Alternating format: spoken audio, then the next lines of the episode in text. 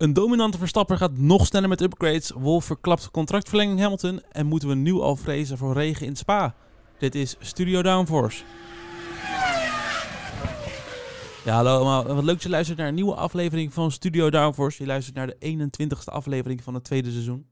Vandaag blikken we terug op de Grand Prix van Hongarije en blikken we vooruit op de laatste Grand Prix voordat we de zomerstop ingaan, de Grand Prix van België. Dat doe ik niet alleen, dat doe ik samen met Lies. Hi, hi. Hallo, en samen met Elias. Hallo.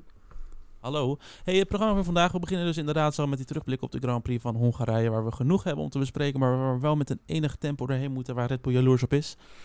Dan gaan we gelijk door naar het nieuwtje van de week. De downforce discussies komen er daarna aan.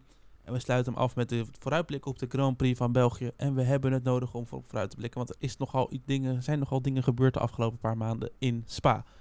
Goed, voordat we beginnen, Elias, waar je hebt voor mij een bericht aan onze luisteraar. Jazeker, jullie kunnen ons ook nog gaan volgen op sociale media. We hebben Facebook, LinkedIn, Twitter en Instagram. Daar kun je ons volgen op studio.downforce. En daar hebben we allemaal extra content voor je. Je kan ons ook volgen op Spotify en Podbean. En dan mis je nooit meer een nieuwe aflevering. Zo is dat. We gaan beginnen. En dat doen we door terug te blikken op de race op de Hungaro-ring. Laat ik mee beginnen. Wat vonden we allemaal van de race? Lies, om mee te beginnen. Twee woorden. Eh, eh, Franse misère. Huh? Heel specifiek. heel, heel specifiek. Goed, wat vond jij ervan, Elias? Ook in twee woorden, alsjeblieft. Ja, eh. goed. Ja, ik denk, ik denk even nou hoor. Totale dominantie. Totale dominantie. Klinkt goed. Voordat we dan echt gaan eh, terugblikken, eerst even de voorspellingen door, door bespreken die je afgelopen weekend kon vinden op de Instagram-pagina van Studio Downforce, studio.downforce. De kwalificatie, Elias een puntje met Verstappen op P2, Lies een puntje in de kwalificatie met Norris op P3. Heel goed gedaan beide. En dan in de race. eh, ja, en jij? een En jij? overwin- Ik heb nul punten het hele weekend. hele weekend Oh. nul punten. kan ik eerlijk over zijn. Goed, in de race had jij eh, eh, Elias één punt voor het goed voorspellen van Verstappen. en eh Lies, jij had eh, geen punt in de race. Nee, I tried. Maar weet je, we En hebben ik het had- expres gedaan om Elias eh, voorsprong weer te gunnen, toch? Geloof ik. Precies, en zo is dat. En we kunnen dit weekend nog voorspellingen doen. En dan gaan we de balans voor de zomer in ieder geval voor de eerste helft van het seizoen opmaken. En dan kunnen we in de tweede helft misschien wel beter doen. Goed, de Grand Prix van Hongarije begon op vrijdagochtend al gelijk met flinke actie. Perez die dacht namelijk na drie minuten in de eerste vrije training te rijden. Ik vind deze upgrades helemaal niks, ik parkeer hem in de muur. Was niet een hele handige actie van Perez. Eh, leuk hoe dan ook gelijk de regie schakelde van, eh, van Ho- Horner naar Marco, naar Perez, naar Verstappen, naar Horner, naar Marco. Die weer aan het bellen was. En Ricciardo, hè? Ja, Ricciardo kwam ook nog Ja. heel veelvuldig voorbij. Want ja, dat is natuurlijk nu het hele verhaal wat er wordt gebouwd. Maar Ja, Ricciardo hebben we het zo meteen nog over. We hebben namelijk een nieuw kwalificatieformat op de zaterdag. Betekent dat Hamilton zijn 104ste pole position kon pakken op 0.003 seconden. Ja, dat is een, eh, geen verschil eigenlijk. Verder naar achter zagen we dat Ricciardo gelijk Tsunoda versloeg in zijn eerste kwalificatie bij zijn terugkeer. Ja, dat is wat we van hem, wat Red Bull waarschijnlijk van hem had verwacht, denk ik. Ja, het, het verschil was niet heel groot. Maar ja, toch knap gedaan door Ricciardo. Ja. Dan hadden we als echte verrassing Alfa Romeo, die met het nieuwe kwalificatieformat van de harde band in Q1, de medium band in Q2, de zachte band in Q3, optimaal eh, wist te profiteren. Joe die stond Q- P1 naar Q1. en die, eh, die eh, mocht uiteindelijk als vijfde starten. Hoe die dat deed, komen we zo meteen wel op. en verder als negatieve verrassingen hadden wij eh, Russell en Sainz. Eerst genoemd op P18 en Sainz die Q2 niet doorkwam op P11. Ja, ook Eh, slachtoffer denk ik van een nieuwe format dan. Ja, zo zou je het kunnen stellen, ja. Ik vind het Ja, vooral... want eh, Russell kreeg wel echt die banden, die harde bar- banden gewoon niet warm. ja, daarom. Eh, meer over dat eh, format zometeen in de downforce discussies. Want ja, de vraag is natuurlijk nu, is dit voor herhaling vatbaar? Nou, dat zometeen. We gaan eerst even naar de race kijken. Hamilton ging, viel namelijk van... Nou, de eerste bocht was volgens mij van P1 naar P4. Ja, Die dacht, eh, ik hou Verstappen wel even achter, maar we moesten uiteindelijk Verstappen en de beide McLaren's voor zich dulden. Joe die dacht, hey, wat Bottas twee jaar geleden heeft gedaan, dat kan ik ook. Ja. Hij bleef even twee seconden langer stilstaan. Dacht toen, ik moet even wat tijd goed maken. Tikte Ricciardo aan, die tikte Ocon aan. Die vloog over Gasly heen. Ja. Dubbele de dubbele DNF voor Alpine daardoor. Wederom, hè? Voor de tweede keer. De, het weekend ervoor ook al. Ja, ja, enorm pijnlijk. Ocon die moest ook nog even naar het ziekenhuis voor zijn rug. In ieder geval naar het medical center. Want zijn zitje was in stukken gebroken door de curse. Door de landing. Geen hele goede landing. En eh moest toch even gecheckt worden of daar niks eh, meer aan de hand is. Sainz die op zachtere banden heel dicht bij Leclerc kon komen in het begin van de race. De strategist van Ferrari die waarschijnlijk een, een spelletje klaar voor jassen waren doen met elkaar of zo. Want die deden helemaal niks daarop. Ik denk dat elk ander team had gezegd... Oké jongens, wissel maar even van posities nu. Want Sainz heeft meer snelheid. Maar nee, Leclerc moest ervoor blijven. Want die hebben, de strategisten hebben te horen gekregen dat eh, Leclerc eerste coureur is. Ja, Ja, bizar. Ja, dat, we kunnen denk ik een hele podcast vullen van over Ferrari. En eh, Oh. de dingen die ze dit seizoen hebben gedaan. Wil je dit Oh, horen in Formule 1 uitgelegd? Laat het ons weten. Laat maar weten via studio.downforce. Goed, dan gaan we naar Alfa Tauri. Want ja, Ricciardo die viel dus door die crash in de eerste ronde met eh, de Alpines en Joe terug naar de laatste plek. Maar ja, hij wist ondanks al dat gedoe gewoon voor het snode te eindigen eind van de race. Dat eh, heb ik de Vries eh, niet zien doen dit seizoen. Wel, Ehm, wel op een andere strategie, hè? Ja, maar goed, je, je ligt achteraan eh, en je Ja. nog, ve- ve- vecht je je weg terug. Ja, zeker Dat weten. verdient wel wat Ja. credits. Tot slot Lando Norris, die eh, ja, voor het tweede weekend op het rij op het podium stond. En voor het tweede weekend op een rij voor gedoe op het podium zorgde. Ja. In Silverstone, en het ging een beetje tussen neus en lippen door, maar het werd een beetje ondergeschoven. Had hij met zijn klassieke champagne spuitmoment. En hij sloeg het hem zo op de grond, maar daardoor vielen de bekers die Verstappen had gekregen. Wel tegen een, eh, netje aan toen, in Silverstone was dat. Dit keer was de handgemaakte trofee van de Hongaren daar niet tegen bestendig. nee, die, bra- die brak inderdaad in twee stukjes. eh ter waarde van mijn, eh, van mijn studieschuld ongeveer. Ik maak, geen, ik maak niet eens een grapje. Nee, 40.000 euro en zes maanden aan werk of zoiets. Ja, en eh Verstappen in eerste instantie niet door. Norris wel, die stapte er even heel vlug overheen en ging gewoon mee, eh, meedoen in de feestvreugde. Uiteindelijk kwam Verstappen nog wel over verhaal halen. En nadat hij even naar achter was geweest, ging hij weer eh, een fotootje maken met dus die kapotte trofee. Nou, en daar was de oplettende kijker dus iets opgevallen. Hij wisselde dus van schoenen. Ja, Is jullie dat ook opgevallen? ja, zeker. Ik- mij viel het inderdaad op. Ik dacht echt van, huh? Hij rijdt toch met gouden schoenen? Ja. Hij- ja, nee, hij, ehm, hij had zwarte schoenen aan. Ja. En eh, voor het fotomoment deed hij nog even gouden schoenen aan. Ja, dit was me dus echt nooit opgevallen, hè? Nee. Nooit. nee, maar naar- Ja, nee. nee ja. Ehm, maar inderdaad, gouden schoenen voor Verstappen. Ja, een marketing dingetje. Doen we dat toch? Iets met sponsors zat er volgens mij achter. Precies, iets met geld. En volgens mij gaat Ja. jouw nieuwtje van de week daar ook over, hè Lies? Jazeker. Nou, dan gaan we daar nu heen. Naar het... Het nieuwtje van de week, week, week. Nou, Lies, take it away. Ja, dames en heren, jongens en meisjes en iedereen daarbuiten en daarbinnen. Eh leuk. We gaan weer eenmalig gaan we eigenlijk weer het gerucht... eh, zo, hallo. Het eh, nieuwtje van de week omdopen tot het geruchtencircuit. Ja, ja, ja, ja, ja. Want ik heb, ik heb weer een oldschool gerucht. A.k.a. eh, Trust Me Bro. A.k.a. eh, ik ben niet verantwoordelijk voor het feit dat we volgende week weer iets moeten gaan rectificeren. Maar eenmalig mag ik even eh, een gerucht opgooien. En I love it. I love it. Want eh, er is dus, ja... Er, ik, het, verschilt ook, weet je wel, tussen wat mensen ervan te zeggen hebben. De een zegt twee en de andere zegt drie. En het zijn eigenlijk allemaal wel betrouwbare dingen. Alleen de feitjes klopten alweer niet helemaal. En daarom noem ik het ook een gerucht. Want het is later ook weer ontkracht, bla bla bla bla. Maar het is toch wel weer interessant. Want een gerucht komt altijd wel ergens vandaan, weet je wel. Een gerucht heeft altijd wel een kern van waarheid. Dus eerst kwam een Duitse auto, motor en sport eh, al met dat er twee Formule 1 teams zouden zijn die de budgetcap regels in 2020 zouden hebben overtreden. Eh, nou, zoals jullie allemaal weten, dat is in 2021 bij eh, Red Bull en ik geloof ook Aston Martin ook gebeurd. Red Bull heeft daarin een straf gekregen met een vermindering van de windtunneltijd en nog iets anders. In ieder geval, het heeft niet heel veel effect voor hun gehad, zoals je wellicht hebt kunnen merken eh, op dit seizoen. Maar eh, ze zijn dus nu, de, ja, de FIA is nu bezig met kijken wie is er in 2022 eh, er eventueel erbuiten of binnen het boekje gegaan. Ehm, dus twee teams die er eventueel overheen zouden zijn gegaan. Nou kwam Le Equipe, en dat is ook best wel een betrouwbaar blad. Die kwamen van ja, nee, het zijn er drie topteams die lopen met het risico van de budget cap. Eh, waaronder Red Bull, Mercedes en Aston Martin zou dat dan waarschijnlijk zijn.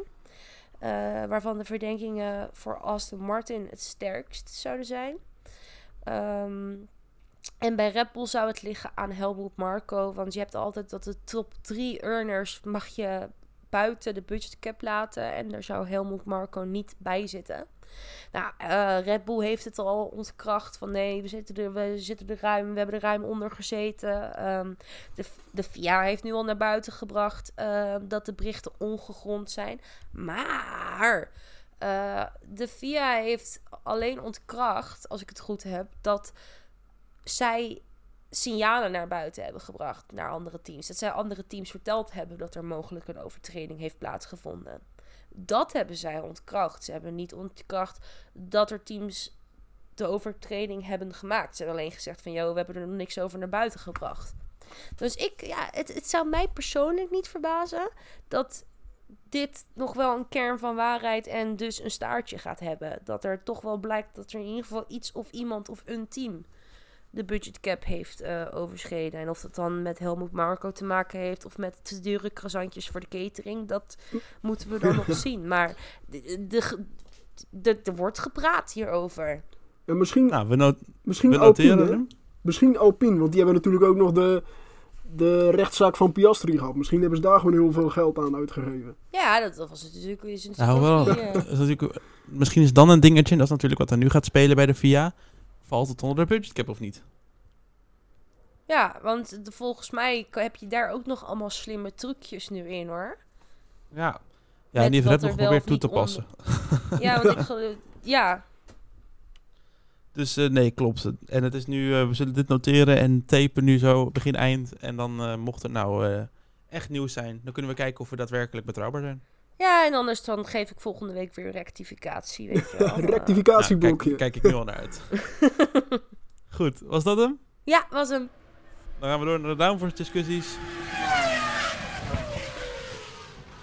Want ja, je hoort het al, er spelen veel dingen momenteel in de Formule 1 paddock. Geruchten, nieuwtjes, spanningen, noem het maar op. Alles komt voorbij en ook nieuwe dingen. En daar beginnen we deze downforce discussies mee. De eerste stelling van vandaag, het experiment met het nieuwe kwalificatieformat is voor herhaling vatbaar. Mm, Ik ben het hiermee eens. ik wil oneens zeggen, omdat ik een autist ben die niet van verandering houdt. Maar ik ben het stiekem toch wel een beetje eens. Eh, Ja. Ik zal even... Ik wil deze splitsen in twee. Voor de Ja. kijkers eens. Voor de teams en de coureurs oneens. Ja, En ook, Het de, zou misschien en, leuk zijn... oh, en sorry. ook wel voor de... Ja, en als ik er nu over nadenk, misschien ook voor de kijkers eh, oneens. Het zou misschien leuk zijn, en dit is even een hard, hard op gedachten die ik heb, als ze dit doen voor een sprintweekend. Ja. Dan is het leuk.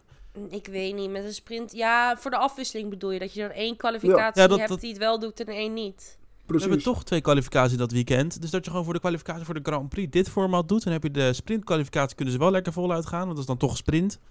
Ja, voor Dus, de maar- afwisseling is misschien... Ja, eens. Misschien ik zou het wel lekker vinden als het erin blijft. Want het is, Ja. ik vind het heel grappig. Dit is een van die dingen in de Formule 1 en die zien we niet vaak. Niemand heeft erom gevraagd en toch is iedereen er fan van. Ja, Mm, ja. Of niet nou, iedereen, er zijn- dat George zijn- Russell op zijn harde bandjes eh, wel Ja, anders nee, over tuurlijk. dacht. Nee, ja, tuurlijk. Maar als in, er zijn fans bijgekomen door het idee. En dat is best uniek in de Formule 1. Echt? Serieus? Nou, is, heb- is dit, is dit, is dit hoe, hoe, hoe je er fans bij krijgt? Nee, nou, ik denk dat deze in de top 3 staat van spannende, spannendste of meest opvallende kwalificaties van het jaar. Ja, ik weet niet. Ik, ik- het, het, wordt, het wordt gewoon zo'n zo'n technisch dingetje, weet je wel. Wie krijgt zijn, zijn banden op het warmst? Ja, dat is er ook, Ja, dat wie- is er ook leuk, want nu, nu gaat het vooral om wie krijgt het snelst en het beste zijn softbanden, zijn zachte banden op temperatuur. En nu, en dat is ook wel een uitdaging voor de teams, krijgen hun ook voor één rondje de harde band of de medium eh, snel op temperatuur. En dat maakt het wel leuk, want dan krijg je wel verschillen. Eh, en kunnen dus ook verschillende teams wel profiteren. Zoals een Alfa Romeo die opeens in Q3 staat, terwijl ze echt het Ja. hele jaar al eh, nou, niet al te best presteren. En volgens mij waren ze, was dit de beste kwalificatieprestatie van. Alfa Romeo sinds 2012. En om even in context te geven, toen heette het team nog Sauber en toen reed Sergio Perez nog voor dat team. Ja, dat past er Maldonado een race vol. Ja, Maar nee, goed, volgens nee, ja, mij het eh, het- Bottas vorig jaar ook eh, gekwalificeerd. Een paar keer als eh, vijfde. Ja, maar dit is dan gecombineerd, hè? dus P5 en... Oh ja, gecombineerd zal het best wel het beste P18. resultaat zijn. Ja. Maar, Nee, maar het, het, ja, ik, het ik, experiment is zeker voor herhaling vatbaar. Er zitten nog wat haken en ogen aan. Maar goed, wat else is nieuw bij de Formule 1. Maar ik, ik ben er zeker voor dat we dit in Monza bijvoorbeeld weer zien. ja, maar kijk, eh, en dat zal ik even uitleggen. Kijk, waarom ik zeg voor de kijkers is het wel leuk, is inderdaad nou, verschillen en verandering. Dus dat je verschillende teams opeens als verrassingen erbij hebt. Maar het is ook minder leuk voor de kijkers, want tijdens die vrije training wordt er nu nauwelijks gereden of de hele tijd op dezelfde banden. En dan is het leuk van, oké jongens, we gaan lekker duurzaam doen. Maar zoals Verstappen ook zei, ja jongens, we gooien ook elk weekend alle setjes regenbanden weg. Eh, en Ja. voor die coureurs en teams is het gewoon lastig, want die blijven maar rijden op, eh, op hetzelfde setje banden. En die gaan dan klagen Ja, over het gebrek aan grip en zo. Dus voor de, voor de, Plus zowel de fans is- als de is coureurs is het minder leuk, want die vrije trainingen die, Duurzaamheid is als je die kijkt veranderen naar... daardoor. Wat zei je, Lies? Nou ja, duurzaamheid is natuurlijk in de Formule 1 sowieso een beetje een bullshit issue, eh, argument. Als je gaat kijken naar eh, de kalender bijvoorbeeld. Maar je moet je ook niet vergeten nee, is dat de reglementen van de fucking Pirelli of de FIA, die zijn er dan ook nog zo dat als er de wiel, eh, de wiel, hoe noem je die wieldingen in het midden van de band ook alweer jongens? Kan het woord nooit vinden. Velgen. Velgen. Dankjewel. Die wielvelgen, zodra die velgen al gemonteerd zijn aan, aan die band, dan mag, mag die band al zeg maar eh, niet meer als nieuw gebruikt worden. Dan is die band al niet meer nieuw. Ja. Weet je kijk- je met die regel al weggooit? Misschien is het ehm, een goed voor... Maar dat weet je, dat is wat ik zeg. Er zit nog heel veel haken en ogen aan het hele format. En dat zal nog wel tien keer aangepast worden. We ook met de sprintrace. We zijn nog een keer in 2021 begonnen met de sprintrace... dat we top drie punten kregen en een medaille. Ja, ja. Ja, kwam een oké, long way met de dat is wel- sprintrace. Dus dat, dat, dat is ook denk ik met dit... eh, het, het kan er wel in blijven. En ik wil je ook even herinneren... de kwalificatie, elke drie de sessies... zat alles binnen een seconde, hè? Dat is waar. Ja, dat is, het was wel heel, het was wel heel, heel close. Eens, eens, eens. De- en laten we hopen dat we het erin kunnen houden. Goed, dan de Ja. volgende stelling. Daniel Ricciardo kan terugkijken op een geslaagd weekend. Ja, Eens. eens. Oeh, ehm, ja, ook mag wel. Elias. Ook wel eens, ja. Nee, ja, eh, ik, ik had eh, nog meer van hem verwacht misschien.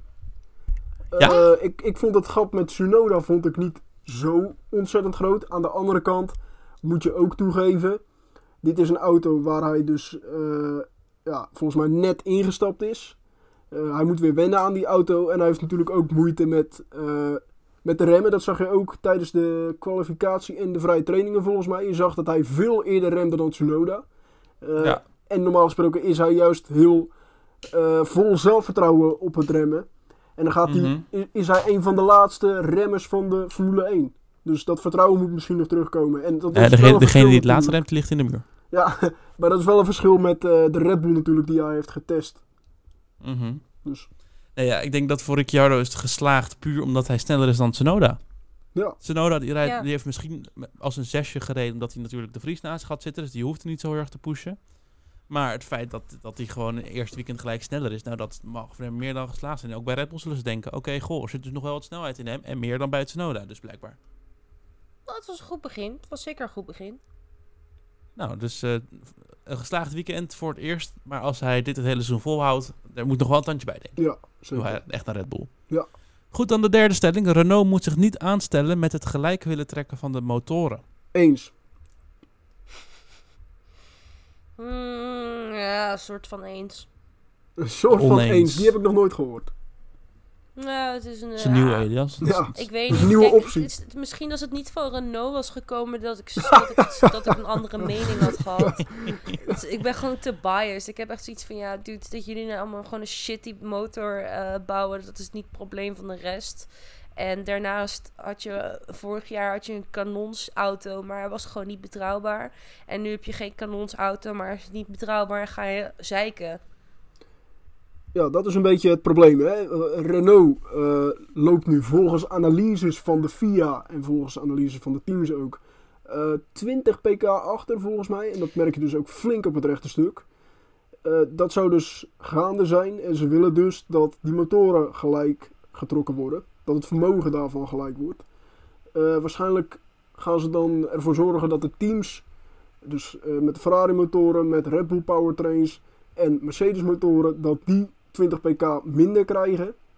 Dat het daardoor gelijk wordt. Maar dat is eigenlijk heel gek, want Alpine inderdaad, Lies, je zei het al, vorig seizoen hadden hun een van de beste motoren. Dat ding vloog over de rechte stukken en daardoor wa- waren Alonso en Ocon toen echt lastig in te halen.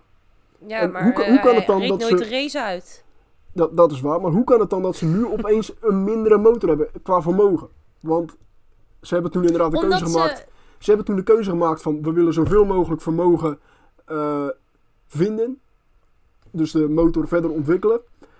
Eh, en dat die betrouwbaarheidsproblemen die lossen we later op, want daar mogen we toch nog aan werken, Ja, en nu hebben, ze, nu hebben ze gezegd van... joh, we hebben dat inmiddels weer omgedraaid. We hebben ingeleverd op eh, vermogen... omdat we de betrouwbaarheid willen aanpassen. Nou, dat gaat allemaal ook allemaal niet zo... niet zoals... maar weet je, nogmaals... Het, het, je kan die motor kan je best wel gelijk trekken. Alleen, dat maakt hem niet betrouwbaarder. En hun probleem is niet dat ze op het rechte stuk... eh, weet ik veel hoeveel kilometer eh, tekort komen. Hun probleem is gewoon is dat ze de race nog steeds niet uitrijden. Bram, eh, je bent ontzettend stil, maar jij was het oneens. Ja, het is toch. Dan moet je de motoren, net zoals de versnellingsbakken, waar wat nu op het programma staat, helemaal gelijk trekken. En het is niet omdat je nu achter staat dat, ehm, dat je dan, dan, dan gelijk getrek- getrokken moet worden. Het enige wat ik wel denk is zo, dat eh, de ontwikkeling was natuurlijk bevroren sinds vorig jaar. Ja. Dus in die zin heeft Renault wel een standpunt. Maar ze waren zelf degene die van de hoogste toren riepen... we werken aan de betrouwbaarheid, want we kunnen dat nog doen... onder dat het de eh, ontwikkeling bevroren is. Precies, ja. En, Dus ja, en Red Bull, Ferrari en Mercedes, die hebben misschien daardoor ook stappen gezet, omdat ze aan de betrouwbaarheid hebben gewerkt. Waardoor je dus ook met een hogere motorstand kunt rijden, omdat die motor het wel haalt. Maar dat gaat ook niet op, want Renault kan dat ook doen. Ja, nee, volgens, eh, volgens Renault heeft het ook te maken is dat, eh tenminste, Safnauer jullie zei dat, van ja, die andere eh, teams, als ze dan een betrouwbaarheidsissue hebben, dan, dan gaan ze, schroeven ze tegelijkertijd ook toch die motor op. Maar volgens mij kan dat helemaal niet. Nee, maar je, je moet ook niet vergeten dat je ook eh, te maken hebt met je auto, hè, die aerodynamisch misschien niet efficiënt genoeg is. Of efficiënt. Daarom, het, net li- zo daarom, het ligt is. gewoon aan die Franse croissants. Ze moeten er echt, Ja. wat gaan, ze moeten er echt gewoon wat gaan fixen. Ze kunnen ook Ik, gewoon ik, een jongens, ik achterstand mis, hebben. ik mis Abiteboel, of hoe heet die gozer? ja, Abiteboel. Oké, we moeten door, we moeten door, we moeten door, we moeten shit. door. Als we over arbiterboel gaan hebben, dan Dan gaan we door. dat is mijn codewoord dat we door moeten. Oh, Laurent Rossi is natuurlijk ook vertrokken, hè? Bij... Oh, kom op, we moeten door! Hamilton verdient een meerjarige contractverlenging bij Mercedes. Ligt eraan hoeveel jaar. Eens, ik ben het eens. En weet je waarom? Oh, dat is een interessant oneens eens van jou, Lies. Ja, nou ja, twee jaar ben ik het mee eens. Maar alles meer dan twee jaar ben ik het mee oneens. Dan wordt Want? het gewoon tijd dat hij met Shakira ergens gaat settelen en baby's krijgt. Toch? Maar eh, Elias, vertel eens. Eh, nou ja, ik ben het dus eens. Eh, jij, Bram? Ja, ik ben het ook eens. En eh, dat, deze stelling komt natuurlijk allemaal omdat eh, we hadden dit weekend een soort van eh, jeugdjournaal eh, F1-editie. Ja. Voor de Engelsen en de Duitsers. Allemaal groter dan. Yuki Tsunoda. ja, wie dat heeft gedaan, echt geniaal. Echt. Ja, Ik, dat hebben ze niet eens expres gedaan, Elias. Sowieso Echt wel. niet. Nee, nee, nee. Maar- Al, die, al, die, al die 12-jarigen zijn gewoon groter. precies. Ehm, maar goed, die, eh, en een eh, van die junior reporters die mocht in gesprek gaan met eh, Toto Wolf.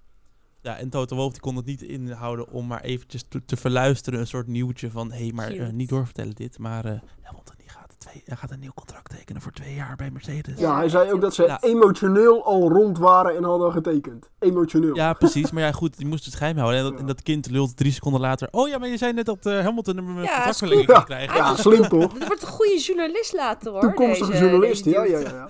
Die, die gaat niks krijgen onder embargo. Wordt een soort de Tom Holland van de Formule 1. Ja, Nee, maar eh, ja, ik ben het eens met deze stelling. Eh, ook alleen maar om het feit dat hij, nou ja, hij laat weer zien 104e pol. Dus die snelheid is er nog steeds. Echt fenomenaal gedaan. Dus je ziet dat de snelheid er nog is. Ook in gevecht met Russell, hè. Want we moeten niet vergeten. Hij heeft wel op zich Russell onder de duim, hoor. Vind ik. Ik vind dat hij beter presteert dan Russell. En die zit ook de afgelopen paar races te klagen elke keer over die auto. En die lijkt het gewoon niet helemaal naar zijn zin te hebben in die Mercedes. Terwijl Hamilton echt gewoon uitstekend presteert. Dus ja, zolang hij Russell blijft verslaan en zolang dat gat niet al te groot wordt als Russell wel beter wordt, ja, vind ik dat hij gewoon mag blijven. We gaan het zien. Ik eh, snap wel als uh, Hamilton in ieder geval nog poging wil gaan doen voor die achtste wereldtitel. Ook, ja. Lies, eh, heb je daar nog iets op te zeggen? Nee, oké, we gaan door. het Mooi, dan gaan we door, dan gaan we door, dan gaan we door. Als te zeggen dan gaan we heel snel door, want dat is heel fijn. Goed, de laatste stelling. George Russell had driver of the day moeten worden in Hongarije. Eens. Oneens. Nou, ik zou het gezien de eindstand eens mee zijn. Maar eh, rekening houden met het feit dat de kijker stemt. En ik George Russell misschien drie seconden de hele race heb gezien. Dat was bij de start. Ben ik het hiermee oneens. Ja, maar dat is dan toch niet de schuld van George Russell zijn fantastische prestaties. Hij is gewoon, en- Nee, hij is gewoon enorm hij lang had doorgereden op, de lange, op, de, op de harde band. En daarna is hij gestopt. Nou, wauw. Nou, mijn punt is meer gewoon van, het is heel bijzonder dat we, inclusief mezelf, dat, dat we allemaal zo trots zijn op Sergio Perez, terwijl hij eigenlijk gewoon doet wat hij moet doen. En dat we daardoor eigenlijk een beetje vergeten wat er gebeurt met bijvoorbeeld een George Russell die vanaf P18 terugrijdt. Of eh, Carlos Sainz die na zeven rondes al achter de broek van zijn teamgenoot zat. Nou, dan denk daarvoor ik, al. ja... Ja, precies. Nou ja, misschien eerder dan zeven rondes al. Maar de, dan, ja, ik, ja, Ik ben, ik heb bijna het idee dat Perez het expres doet, slecht kwalificeren op de zaterdag, zodat hij op zondag weer de fame kan pakken. nou, ik denk niet dat hij het expres doet, want nu staat hij onder druk door Ricciardo. Nee, oké, fair. Maar, Maar, bijvoorbeeld, eh, nou ja, ben- bijvoorbeeld. Oh nee, je kan geen driver of the day als je buiten de top 10 bent geëindigd? Eh, geen idee. Maar dat heeft weinig zin. Maar eh, Anders ik, had ik ben het, wel gegeven. ik ben het eens met je dat Perez niet driver of the day had moeten zijn. Maar ik vind dat we een andere driver of the day aan hadden moeten wijzen in plaats van Piastri bijvoorbeeld Norris? George Russell. Piastri. Piastri, Ja, ik vond ik ook goed. uitstekend gestart eh, en uitstekend gereden. Alleen ja, kreeg hij problemen aan de vloer. Eh, daardoor viel hij wel terug. Maar ja, ik, ook dat gevecht met eh Perez bijvoorbeeld. Hij liet echt zien dat hij echt eh, als rookie gewoon ja, in dit veld thuis hoort. Nee, ik ben het ook wel met je eens. Het was gewoon iedereen behalve Perez had driver of the day moeten worden. Dus dat, had- dat had ik van de stelling moeten maken. Ah, oké. Maar goed, dat waren dan alle stellingen. Dan gaan we door met de vooruitblik op de Grand Prix van België. Ja, we gaan vooruitblikken op de Formule 1 MCS Cruises Belgian Grand Prix. Ehm, ja, Spa. en over, over cruises gesproken, iets met nat weer, dat kunnen we verwachten dit weekend. He- Heel erg veel daarvan. Volgens de laatste weersomstandigheden gaat het eh nou ongeveer nu tot en met eh, zaterdag regenen, Lies. Dat was het, of zelfs tot zondag de hele week? Nou ja, ja, dat zijn die algemene genomen weersvoorspellingen. En het kan natuurlijk nog een beetje veranderen als deze podcast online staat. Maar ik zag woensdag regen, donderdag regen, vrijdag regen, zaterdag regen en zondag regen. En we zijn natuurlijk bij Spa, dus je krijgt een beetje Spa 2021 flashbacks, weet je wel. Dat we Wil je het er nog over hebben of niet? car- Ik wil het er nog steeds niet over hebben. Het is nog steeds iets te. We zijn er voor je hoor, Lies. Maar ik voel, ik voel bijna aan mijn water weer, weer komen hoor. Ik mag toch hopen voor iedereen Letterlijk. dat het, een beetje, dat het een beetje droog blijft daar zo. Ja, het is, nou goed, we moeten het wel gevaarlijk. Ja, daar moeten we het even gewoon over gaan hebben. Er is Ja. natuurlijk een paar eh, weken geleden hebben we Dilana van het Hof. eh, hebben we allemaal het nieuws meegekregen. Hij is overleden in een van de laatste rondes eh, van een eh Freka-race in Spa. Daar werd nog even besloten om met een paar rondes te gaan en een herstart te doen in de stromende regen. Met spray. Ehm, met heel veel, heel veel spray. Het sluit Ja. een beetje aan op de incidenten die we recent hebben gezien in eh, Spa. Te beginnen eh, allemaal rondom het- de eerste sector. Eau Rouge, Radion, het rechte stuk wat daarna komt. Eh, ik heb even een lijstje gemaakt. We hebben natuurlijk Magnus gehad in 2016. Dat was op hetzelfde punt als Hubert, waar we zo op komen. Hij werd toen eh, bijna gelanceerd omhoog, maar ook weer tegengehouden door de bandenstapel. Ja. Weten jullie die crash nog? Ja, zijn headrest die vloog toen eh, van zijn auto af. Ja, Ja, klopt. Ja, dat was zo'n harde impact dat eh, die auto was totaal los. Dat was een gele Renault, maar dat leek geen gele Renault meer. Goed, dan hadden we natuurlijk in 2019 Hubert eh, met als gevolg aanpassingen aan Eau Rouge. Meer zicht, minder bandenstapel, eh, dicht, dus de bandenstapel wat verder van de baan af. Ehm, dat mocht er, dat zorgde uiteindelijk in de regen nog steeds voor dat Norris die bandenstapel heel hard wist te vinden in de kwalificatie twee jaar geleden in 2021. 21, ja. Eau Rouge in de stromende regen op de full wets. En die auto die was... eh, Op de intermediates stuk, toch Stuk, stuk, stuk, stuk. Was dat nog op de Ja, intermediates? op de intermediates. Dat eh, zou heel goed kunnen. Ja, en was dan natuurlijk... Die, crash. ja, dat, eh Kwam en Vettel dat sluit toch dan nog aan... even checken? Ja, ja. Ja, klopt, klopt, klopt, klopt, klopt. En eh, ja, dan sluit de, de crash met eh Dilano van het Hof, wat wel dan weer wat verder was op de baan. Dat was namelijk al halverwege het rechte stuk. Nou, Bram, Ehm, we hebben ook Hm? nog eh, andere klas. Bijtske Visser heeft een hele harde crash gehad. Eh, we hebben nog Ja, eh, klopt, in de Guido van der W-series. Garde, geloof ik. Of was het Renger van de Zanden? Ja, die jou ook altijd Renger op van de elkaar... Zanden. Eén van die twee. Ja. Renger van de Zanden, ja, inderdaad. nee, dus in, in ieder geval inderdaad met de formule, formuleklasse eh, heb je nog inderdaad eh, met de eh, W-se- W-series was daar een enorme klapper. Daar schoten auto's echt op elkaar. En toch een beetje altijd Ehm, rondom hetzelfde stuk. In ieder Ja, ik geval... moet jullie rectificeren. Het was wel Norris op de full wets Oh, in de stromende regen in de kwalificatie. Oh. Mijn fout. En het was gewoon aquaplaning, eh rechtermuur, linkermuur. En, stilstaan. eh, ja. ja, het is gewoon een heel Ehm. gevaarlijk circuit, eh, Ja, überhaupt. En, eh, niet, maar niet te gevaarlijk. Alleen zodra je het, het zicht ook maar een beetje beïnvloed wordt. En dan vooral voor, voor, bij, eh bij Eau Rouge, Radion en dan voorbij op het rechte stuk en zo. Zodra het zicht daar ja, ook maar niet 100% is, is het gewoon levensgevaarlijk.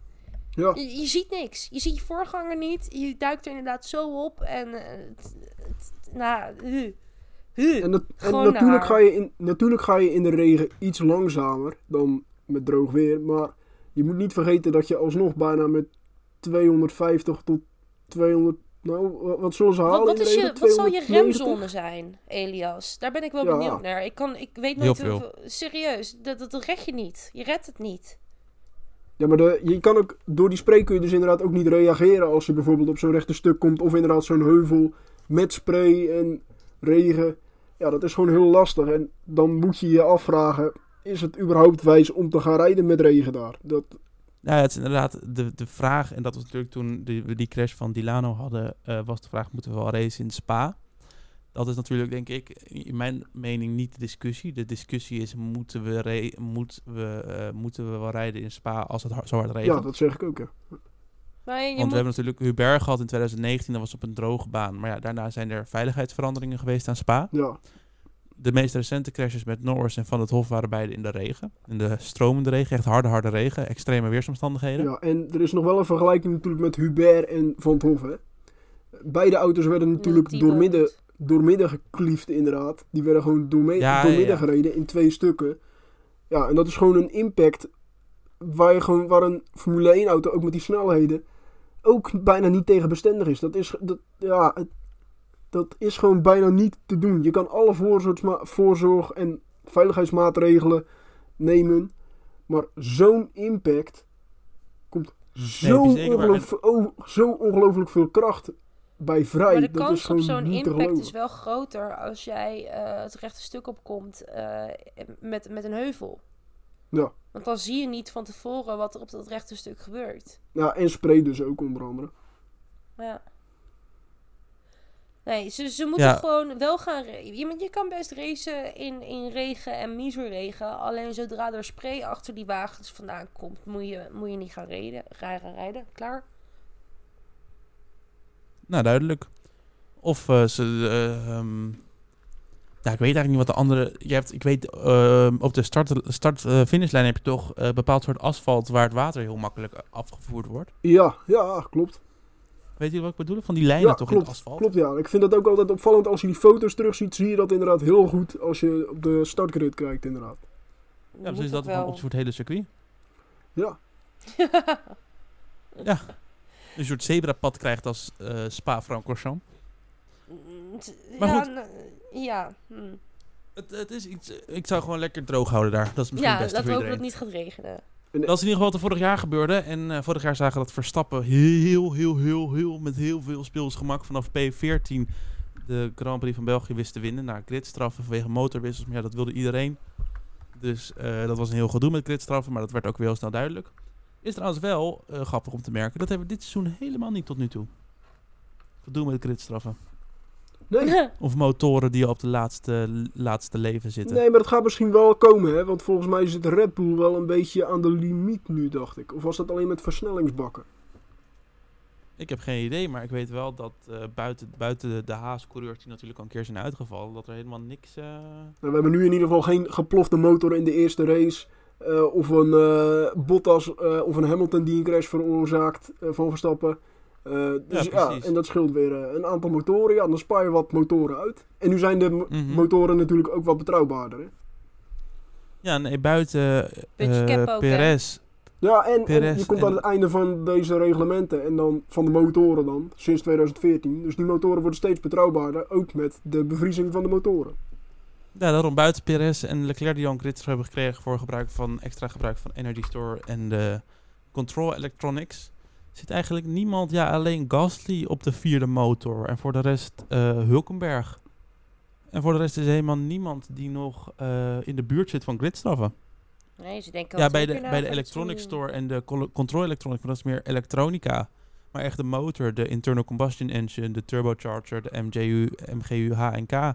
Dat is allemaal nog vrij, eh, vrij safe zitten daarop. Buiten dus Gasly en Hulkenberg. Ja. Dus eh ja, grappig dat dat dit seizoen dus echt merkbaar eh, anders is. Maar goed, dat is misschien voor Monza dan, dat we tegen die tijd eh, extra gridstraf hebben. Wie weet. We gaan dit weekend in ieder geval weer sprinten. Dat is misschien ook een reden waarom er minder gridstraffen zijn. Op eh, vrijdag hebben we de eerste vrije training en de kwalificatie. Willen we ook nog echt tijden weten, jongens? Nou, het zijn er best veel. Ja, ja. Niet dus. Nou, oké, fijn. Eh, dan ga ik het wel doen. Vrij, eerste vrije training is van half twee tot half drie.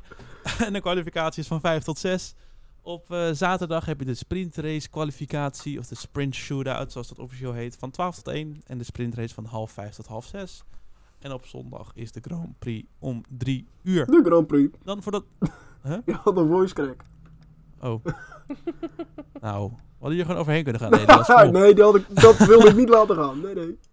Tot slot heb ik nog even een nieuwtje. Want dit weekend zit de FIA Commission, dus dat is de FIA, de F1 en alle tiende teams, zitten bij elkaar voor wat veranderingen voor 2024.